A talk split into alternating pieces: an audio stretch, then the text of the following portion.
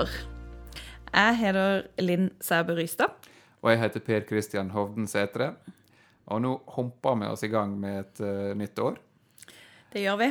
Og vi takker alle de som ønsket oss god bedring når denne episoden ikke kom ut på fredag. Veldig hyggelig å ha sånne lyttere. Absolutt. Eh, vi sikra oss likevel en ganske, ganske god start, for det, som dere hørte, så har vi endelig fått oss en intro. Woohoo! Så takk til kantor eh, Håvard, eh, Håvard Sveås i Sula for den. Eh, og sjekk gjerne ut hans heimside Spenstige Sakral, hvis en vil kjøpe mer av sånn musikk. Det er veldig fint å ha intro, altså. Ja, vi er glad for det. Men vi er ferdig med jula, ikke vi det? Jo, det må vi vel kunne si nå. 20. jul forrige søndag. Ja. Så vi satser på at Går ut ifra at juletreet er ute de fleste plasser. Og at eh, minimalismen kicker inn. Det er tider for det i januar, på både den ene og den andre måten. Skal, nå skal jeg ta en liten anekdote. Jeg hadde rydda klesskapet, som jeg ofte gjør i januar. Skulle rundt og liksom legge poser i Fretex-container. På Grünerløkka og omegn så var jeg rundt på syv konteinere før jeg fant en der det var plass. Jeg skulle til å si noe om at uh, julefeiringa har flytta seg fra etter romjula til før romjula, og så at det kanskje fastetida i kulturen er i ferd med å flytte seg til januar. Så her har vi iallfall botsøvelsene i full gang på Grünerløkka. Absolutt. Men i kirka så driver vi med åpenbaringstid, og hva det er for noe? Nei, da spør vi jo hvem Jesus er, da. Og det har vi tenkt å spørre om i dag, men ikke hele spørsmålet om hvem Jesus er, men eh, snakke om Jesus som barn. Fordi vi skal snakke om tekst, fortellingsteksten til neste søndag, som er, nei, kommende søndag, som er Jesus som tolvåring i tempelet.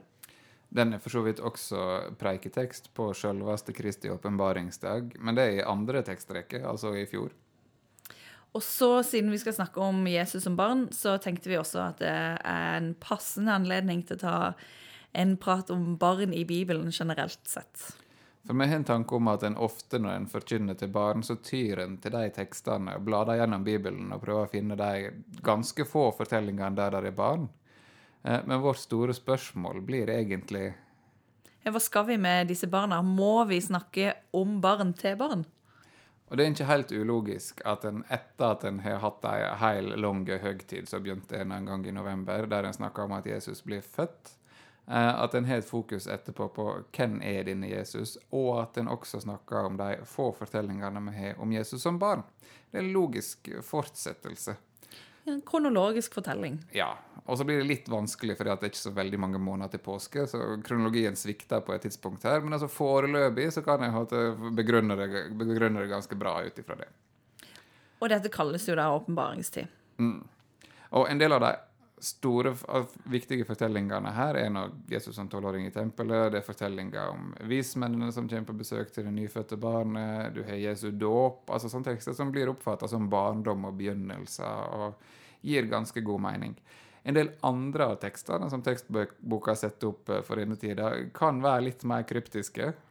Ja, noen Johannes-tekster som av og til er litt vanskelige, og så er det ikke alltid det er så enkelt å skjønne hvorfor eh, tekstene er satt sammen.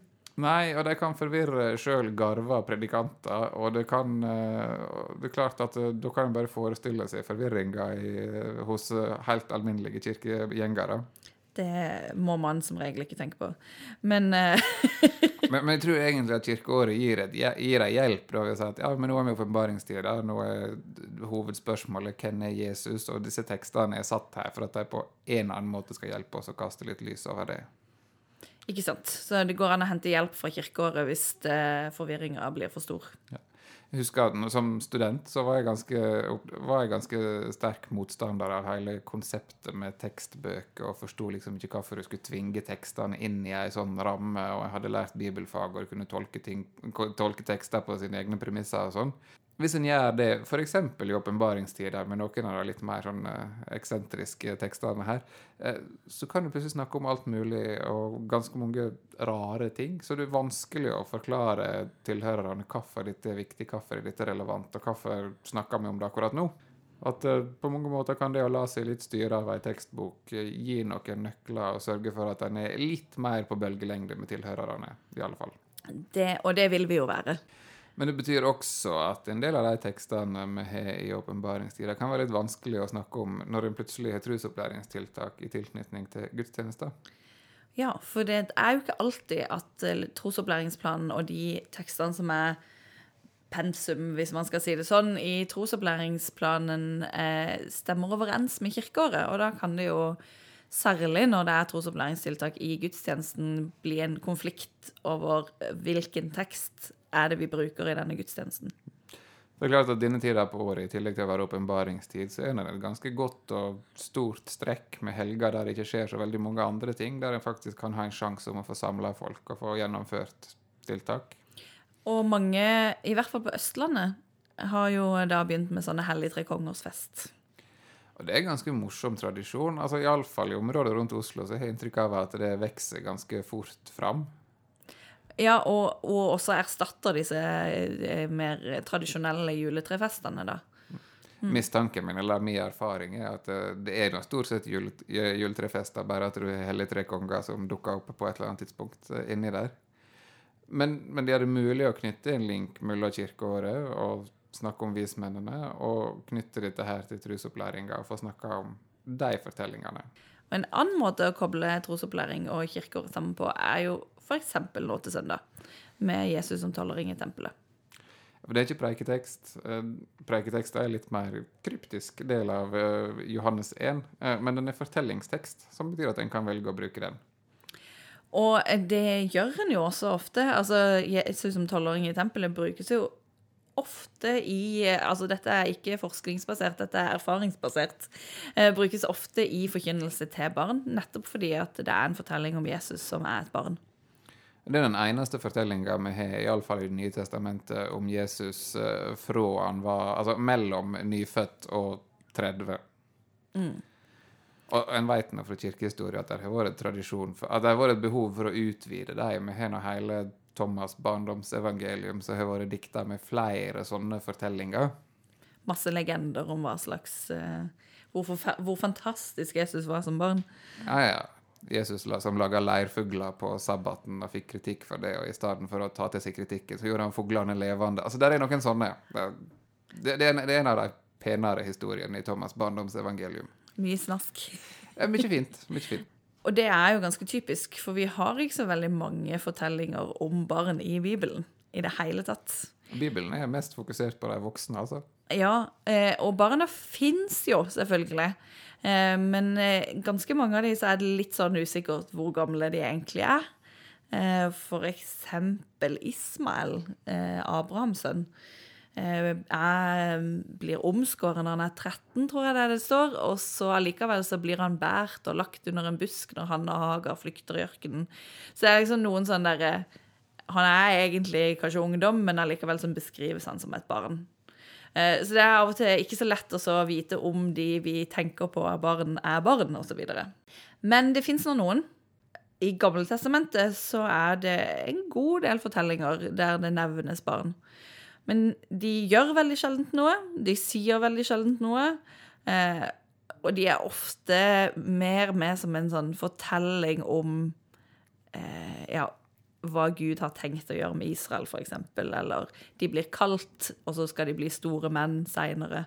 Det er dessverre ofte menn. Veldig mye menn. Ganske, ganske få jenter. Ja. Eh, det er noen unntak. der. Du har Miriam, Moses sin søster. Hun er ganske aktiv, og hun beskrives som en ung jente i andre Mosebok eh, to. Der hun eh, liksom hjelper Moses sin mor med å få tilbake igjen Moses fra faraos datter.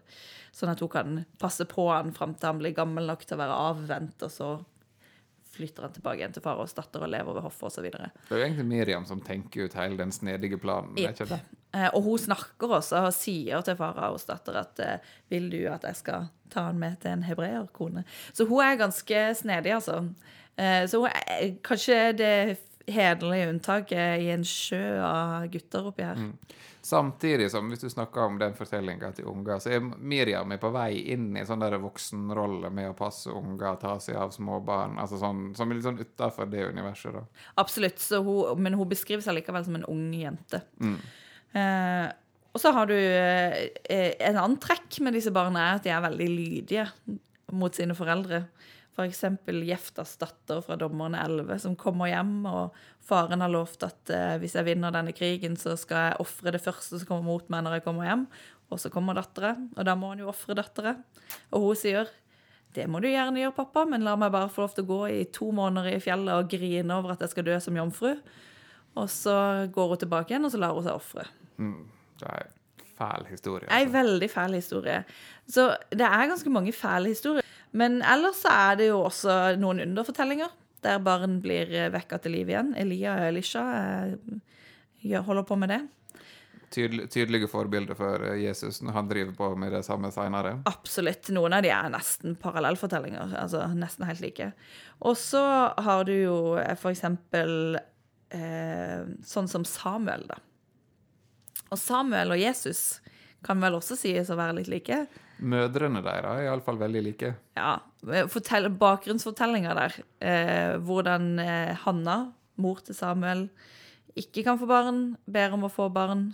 Maria ber jo ikke om å få det, da, men det er en sånn mirakuløs eh, eh, unnfangelse. Ja. Hanna er på en måte Elisabeth og Maria samtidig. Ja, ja. Ja. Mirakuløs unnfangelse, og så et eh, mirakuløst barn også. Og han blir jo da kalt til å være profet. Eh, altså i samme mønster som opptil flere andre. Så det, vi skal prøve å sette det på en formel. Så er det nesten litt sånn at disse her barna i GT de, de blir stort sett kalt. De blir forberedt på noe de skal bli når de blir voksne. De blir dessverre enten ofra eller kalt, ja. Er, ja, og så finnes det også en del tekster som bruker barn som metafor. At Israel er Guds sønn, at kongen er Guds sønn. Altså, du har de eh, Om folket mitt var som barn som jeg ville samle under vingene mine. Altså, der er en, metaforen finnes. Og den fins også i stor grad i Nytestamentet. Det der eh, at eh, alle, alle kristne er Guds barn, f.eks., og at eh, disse barna må jo av og til disiplineres. De skal ikke bare samles under vingene. Det er ganske mange tekster som snakker om at akkurat sånn som fedre og mødre disiplinerer barna sine, så må også Gud disiplinere sine barn. Og det er klart at når jeg skal lese de tekstene der Jesus ganske radikalt uh, holder fram ungene som ideal, altså at den som ikke blir som et lite barn, eh, skal ikke komme inn i Guds rike og sånn, så er det klart naturligvis det handler litt om den intuitive tilliten. og Vi kan romantisere det bildet ganske mye. Men en annen ting er at en viktig bit av det å være barn i antikken uh, er å være lydig. Ja. Så eh, det fins ganske mange lydige barn i, i Bibelen. Ja. Uh, og det er en, bit av det idealet. Ja, og eh, i Nytestamentet så er det jo stort sett i, eh, i Jesus-fortellinga en finner barn. Eh, og fortellinger om barn. Og de blir da ofte helbreda. Enten det, eller så er det ideal. Ja. Eh, og Jesus helbreder barn. Og det er jo også en sånn radikal del av, av Jesus sin helbredelsespraksis. Men han har Elia og Elisha og sånn som forbilde. Eh, og de barn blir da ofte metafor både for å være umoden, eh, som at man må vokse og, osv. man forstår ikke alt, og man er ikke skriftlærd, for eksempel. Eh, og så er de også da metafor for tro, sånn litt sånn den romantiserte, idylliserte, dette barnet som forstår alt det som eksempel ikke disiplene forstår. Sant? Og, og den er litt, dum, og den er litt dobbel. Det tror, jeg, dobbel. det tror jeg må kunne si. Så har de forskjellige evangelistene også litt forskjellig fokus på hvordan de bruker barn i fortellinga. Men i Nytestamentet så er det få fortellinger sånn der barn er eh, hovedperson, har synspunkter. De blir stort sett brukt for å fortelle noe annet. Vi fant et mulig unntak i Johannes 6, med denne her gutten som kommer med, kommer med fisker og brød.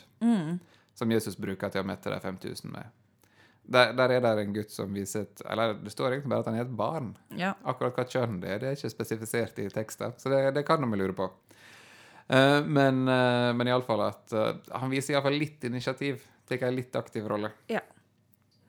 Uh, men ellers ikke så mye aktivitet. Nei. Nei. Og, og der er en av dine tekster som da er fortellingstekst kommende søndag, med Jesus som tolvåring i tempelet, der Jesus sjøl går litt ut av den rolla eh, og viser litt initiativ, viser litt, eh, viser litt egenvilje. Den er ganske utypisk, rett og slett. Den, og det er kanskje litt av poenget med den fortellinga, at Jesus er ikke som andre barn.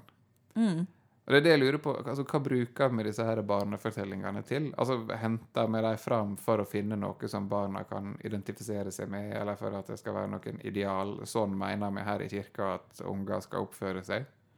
Ja, Og det siste der kan jo bli ytterst problematisk med all den her eh, lydigheten. Altså, Jeg sier ikke at barn ikke skal være lydige mot foreldrene sine, men Jeg de er for, jeg er for at ungene gjør sånn som de får beskjed om. her. men de er ekstremt lydige, da.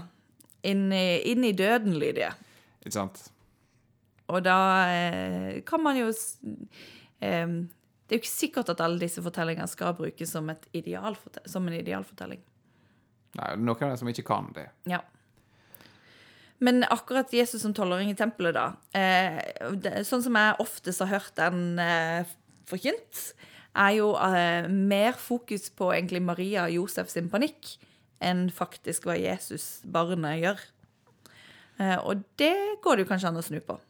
Ja, men samtidig som den er en sånn Altså, den kan brukes for å understreke inkarnasjonen sånn teologisk. At altså, Jesus var et menneske som oss. Han, hadde, han var født inn i en familie. Han hadde foreldre som var bekymra.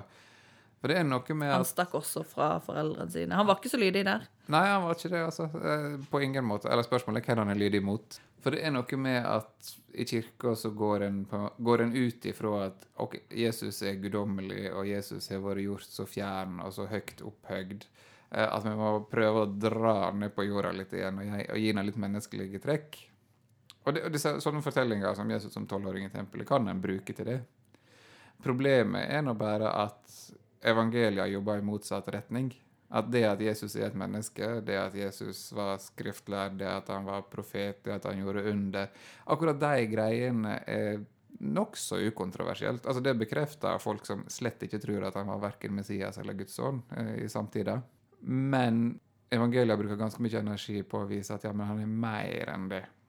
Her er noe, og Jesus som tempelet er en sånn fortelling at om man ikke sier rett ut at denne her gutten er guddommelig, så viser han i hvert fall noen helt ekstraordinære evner. Så det som vi ofte, eh, meg inkludert, eh, ofte har gjort da, med å gjøre dette vanlig, er egentlig litt feil. Ja, altså, nei, men vi må være klar over at vi leser tekster litt, på en litt annen måte enn det den fungerer som i evangeliet. Eh, Men det ligger nå der. altså Jesus som barn, det er nå der. Det kan vi snakke om hva vei en vil. Men, eh, men en, kan- en kan få litt motstand av tekster, da. Og en kan kanskje i hvert fall gjøre det ene det ene året og det andre det andre året. En kan absolutt gjøre begge deler. For at disse her fortellingene om disse her eh, ekstraordinære tolvåringene, det er noe, noe i nærheten av en, sånn, av en kulturell klisjé. Det finnes det helt masse fortellinger av den typen. Altså Du har sånne om eh, Fra India så har du om Buddha. Fra Egypt så har du om Osiris. Eh, fra Hellas så har du f.eks. om Alexander den store. Eh, fra en jødisk sammenheng så har du f.eks. Samuel. Eh, tradisjonen sier at Samuel var tolv år da han ble kalt eh, av Gud. Eh, og du har Salomo, som i første kongebok, eh, bare på gresk, ikke på hebraisk, og derfor ikke norsk oversettelsen, eh, var tolv år da han ble konge. Eh, Så du har en lang rekke av sånne som vokste opp til å bli store menn, som omtrent i denne tolvårsalderen eh, avslørte noe av det de kom til å bli. Så dette tolvtallet, har det noe å si? Det er nå et kjempebibelsk tall, eller sånt eh, rundt tall i ganske mange kulturer. Jeg tenkte tolv stammer og Ja, ja, ja, for all del. Eh, Men en annen ting er at denne tolvårsalderen er det er mellom barn og voksen i disse kulturene. her. Tweens. Det er rett og slett tweens. Eh, fordi at altså mange, altså Når vi leser om Jesus som tolvåring i tempelet, så leser en i ganske mange kommentarer sånn at ja, men dette her er fordi at Jesus er bar mitzvah. Han er nå regna som en voksen jødisk mann og skal ta på seg eh, pliktene etter lova. Problemet er bare at vi vet ikke om noen feirer bar mitzvah på Jesu tid. Det kom litt seinere, eller kjeldene våre seinere. Eh, og uansett så er det lagt til 13- og 14-årsalderen. Så han er for ung til det. Han er litt ung, Eh, og i gresk sammenheng så var det gjerne 14-årsalderen som var en sånn overgang. Der finnes det flere greske system der en deler menneskelivet inn i sjuårsperioder. Og den, etter denne andre sjuårsperioden, altså når jeg var 14, da ble jeg voksen. Så det er sånn overgangstid. Litt sånn uklart om en er barn eller voksen. Sånn som det fremdeles er. Ja. Selv om vi snakker om en sånn ungdomstid som kommer etterpå og varer ganske lenge, som er ganske fremmed i antikken. Selvfølgelig. ja. Eh, men, eh, men, men det er iallfall da det skjer. Så en sånn der litt sånn overgang, litt sånn, litt sånn utydelige grenser og sånn, der, der er det disse her eh, viser disse her eh, ekstraordinære egenskapene sine. Og det er vi da midt i, i denne fortellinga her. Eh, for i Lukas 2,40 det begynner nå med at Lukas snakker om Jesu foreldre. Eh, han blir helt tydelig underordna foreldrene sine. Han reiser sammen med dem, han er lydig mot dem, han blir beskrevet som et barn. Ikke sant? Et lydig barn, som resten av de. Tydelig plassert. Og han er et barn av ganske lovlydige foreldre. De reiser opp til Jerusalem hvert år, sånn som lova pålegger dem å gjøre. Så det blir framstilt veldig harmonisk, veldig lovlydig. Altså, alle er lydige både mot Gud og foreldrene sine, og alt er på en måte idyllisk eh, når fortellinga starter. Men så går det ganske fort mot det som er hovedsaka, og gresken understreker dette her enda mer enn den norske oversettelsen kan gjøre, at hovedsaka er at Jesus blir værende igjen i Jerusalem eh, når foreldra reiser nordover til Nasaret igjen. Kan man da si at lydigheten skifter? Ja, altså Det står ingenting om hvorfor Jesus blir værende igjen. Uh, han forsvinner egentlig ut av bildet mens en følger Josef og Maria på vei. Ei hel dagsreise nordover. Eh, Ganske langt. ja, altså en snakker om rundt eh, 30 km. Det var vanlig å regne ei dagsreise den gangen. Så de har gått et ganske bra stykke. Og så er nå forklaringa altså, En plausibel forklaring på hvorfor de ikke oppdaga at Jesus var borte, var at han, fordi han var i en sånn der udefinerbar alder, eh, kunne velge om han ville gå sammen med kvinnene og barna eller sammen med mennene. Så han kan ha gått litt frem og tilbake, ikke sant? Og foreldra kan ha trodd at det var det han gjorde. Det er jo du som har han. Ikke sant? Ja, det var noen andre som hadde ansvar for han. Ja. Eh, Det hadde litt fri en liten stund. Mm. Eh, og så var, fant de ut at når de skulle slå seg til for natta, at eh, han var borte. Og da snur de tilbake. Og jeg har sett en del forklaringer på at de finner da omsider Jesus etter tre dager. Og en sånn ganske enkel forklaring på hvorfor det tok tre dager, er at de måtte, trengte en dag på å gå ut eh, og en dag på å gå tilbake igjen, og så fant de Jesus den tredje dagen. Den erfaringa som foreldre har av å plutselig miste barna sine ikke vite hva det er, den er gjenkjennelig for eh, flere enn de barna som hører på forkynnelsen. Den er gjenkjennelig også for de som ikke har barn sjøl, bare du har passa noen barn. Ja, ikke sant? Og så, sånn, så, kommer, så kommer de tilbake, og så finner de Jesus i tempelet. Og i tempelet, så, og det som foregår der, det er en av denne her diskusjonen eh, mellom de lærde, eller lærerne, som Lukas skriver at de er. Og er det da eh, Hva kan du sammenligne det med? Er det som om eh, Jesus eh, kom inn i en gudstjeneste, eller er det noe annet? For vi snakka om i adventsepisodene at eh, tempelet er noe ganske annet enn våre kirker. Og at ofringer og sånn som foregikk i tempelet, er mye mer bråkete og, og mindre ryddig enn ei vanlig norsk høgmesse. Men også at denne diskusjonen som foregår her, er, det er blant de lærde i Israel. Jeg så Pelle Erik Virgnes, Bibelselskapet. Han brukte denne teksten her for litt siden til å si noe om eh, at det er et ideal å kunne diskutere om bibeltekstene og være litt uenige i menigheten. Og det, det tror jeg er bra poeng, og en kan la seg inspirere av eh, jødisk tradisjon for å kunne krangle litt. Eh, og være venner likevel. Men Og det kan være noe å ta med seg inn i menighetene. Men her er vi likevel blant lærerne i tempelet. Altså Det er de, det er de skriftlærde, det er liksom de som kan disse tingene best. Så Så det er visst som om Jesus kom inn på eh, en forelesning her, mer? Ja, eller rota seg inn i bispemøtet eller deltok i diskusjonene der. Men, men, men litt mer på det nivået, hvis du skal få fram kontrastene i, eh, i fortellinga her. At en tolvåring kommer og diskuterer med biskopene og slår det i, teologisk argumentasjon. Ja, eller iallfall imponerer dem. da. Ja. Det er vel det som står her. Så det er sånn Jesus skiller seg ut fra mengda, med at han er ekstraordinær, at han har visdom utover sine år, hvis en kan bruke et litt sånn gammelt uttrykk. Ja, det står nå både før og etter den teksten at Jesus gikk fram i alder og visdom. Så Så han har ganske mye visdom, denne tolvåringen. starta med det. Så, og så kommer det en sånn konflikt etterpå da, mellom eh, Maria, som fører ordet, og, og, og Jesus. For Maria stiller noen spørsmål. altså Hvorfor har du gjort dette mot oss? altså Hvorfor har du med vitende vilje blitt værende igjen? Eh, og så sier hun far din og jeg har leita etter deg og vært så redde. Og det høres ut som vanlig norsk. Og dette var jeg ikke klar over før jeg begynte å jobbe med den teksten. Men det står i den samme rekkefølga 'far din og jeg' eh, på gresk. Og det er unormalt. For på gresk så, set, for på gresk så sier en 'jeg' først. Ja. Mens på de fleste høflige europeiske språk så setter en naturligvis de andre før sist. Så er det veldig unormalt at det er Maria som fører ordet. Mm. Og begge disse to tinga gjør at dette her ordet 'far' eh, får litt ekstra tyngde i det Maria sier. Og det er klart at det leder over til Jesu respons. At visste du ikke at jeg måtte være i huset til far min? Hvilken far eh, snakker de forskjellige om? Ikke sant? Og mens Maria snakker om Josef, så snakker Jesus om Gud. Og, og, det, og det, språklig så er det framheva allerede fra Maria sitt spørsmål av. Og det er jo dette med lydigheten, da, som du sa. Du kan spørre hvem han er lydig mot. Han er lydig mot foreldrene sine til et visst punkt, og så kommer det en høyere orden lydigheten. Ja, og det kommer nå igjen i evangeliet seinere, denne konflikten mellom lydigheten til familie og lydighet til Gud. Der Jesus er ganske tydelig på at det er Gud som, uh, Gud som har prioriteten. Så preker vi over den her, da. Nei, vil du egentlig gå helt den linja ut og si at dere skal være lydigere mot Gud enn foreldrene deres? Det- Det er litt vanskelig kanskje å stå på si det. og hva betyr det? Hva vil det innebære?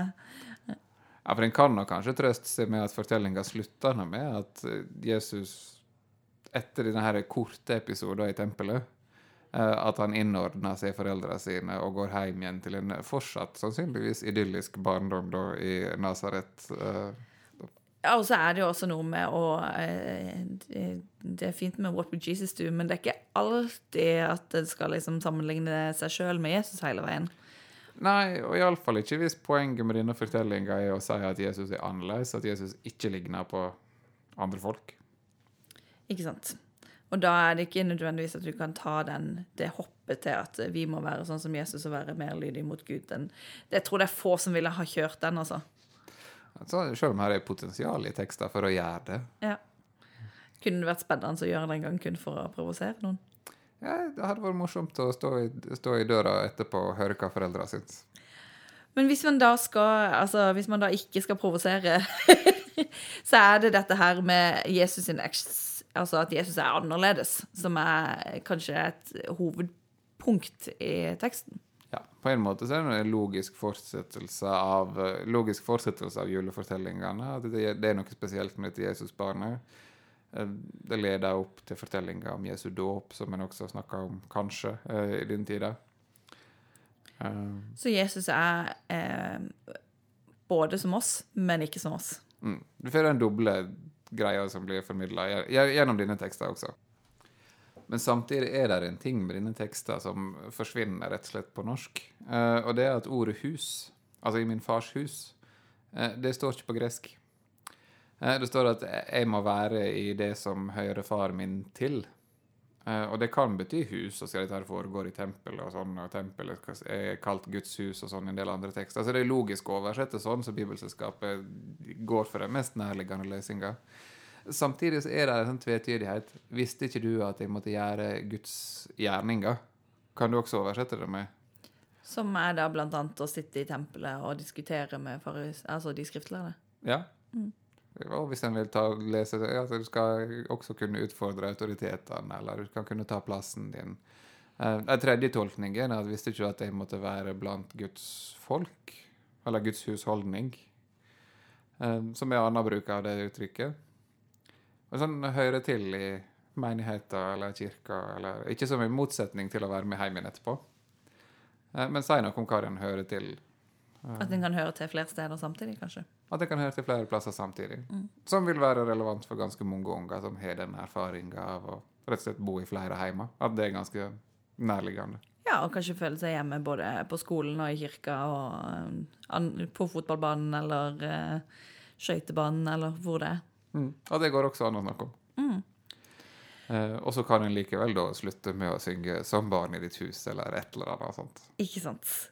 Og så tenker jeg at dette, eh, dette vi har diskutert nå om Jesus kan representere alle barn, det går jo inn i liksom, hva gjør vi med disse barna, og hvorfor er det så viktig å hente opp barnefortellinger når en skal snakke til barn.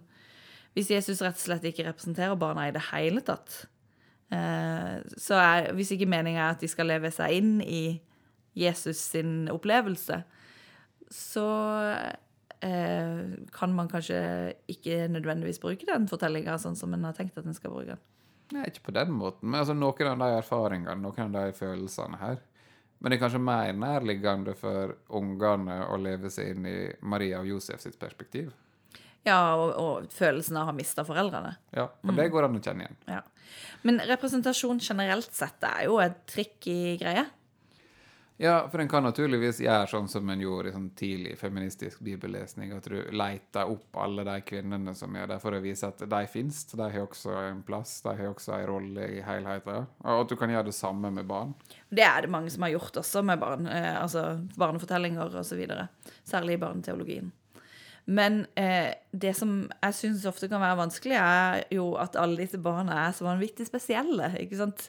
De, er, de skal bli store ting. De skal bli profeter eller konger eller ledere av Israel.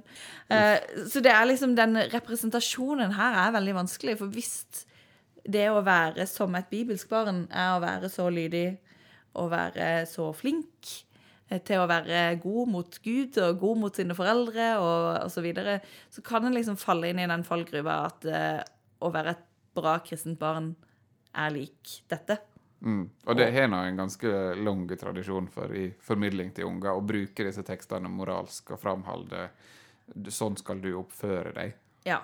Det tenker jeg Hvis en tenker at det er sånn én-til-én-representasjon der, så, så syns jeg ikke noe om det, rett og slett. Ja. Men eh, allikevel så kan det jo være bra for barn å være klar over at Bibelen også snakker om noen barn, og at Gud bruker barna i Bibelen til å gjøre ting. Men da må vi nesten gå inn for eh, landing. med Det får være det vi sier om Jesus som tolvåring, og om eh, barn i Bibelen i denne omgang. I denne omgang. Det kan være vi kommer tilbake igjen til det en annen gang. Ja. Det er et stort tema. Neste episode av Bibel og Babbel har vi da planlagt til 12. Eh. Det er en hel måned til. Ja, Så vi eh, kan ikke love at det kommer noe i mellomtida der, men eh, vi skal heller ikke se helt i bort fra at det kommer en liten ekstra podkast. Vi har iallfall en plan om å gjøre ganske mye arbeid med denne podkasten og forberede oss og tenke litt lange linjer, som er egentlig ganske takknemlige for uh, tilbakemeldinger. Absolutt. Det er bare å skrive til oss på Facebook eller på Instagram. Og vi skal love å være også litt mer aktive der. Vi skal prøve å dele litt ting som kan være nyttig underveis. Og så ønsker vi alle lykke til med det som måtte være av eh, trusopplæringstiltak og gudstjeneste framover. Ha det bra. Ha det godt.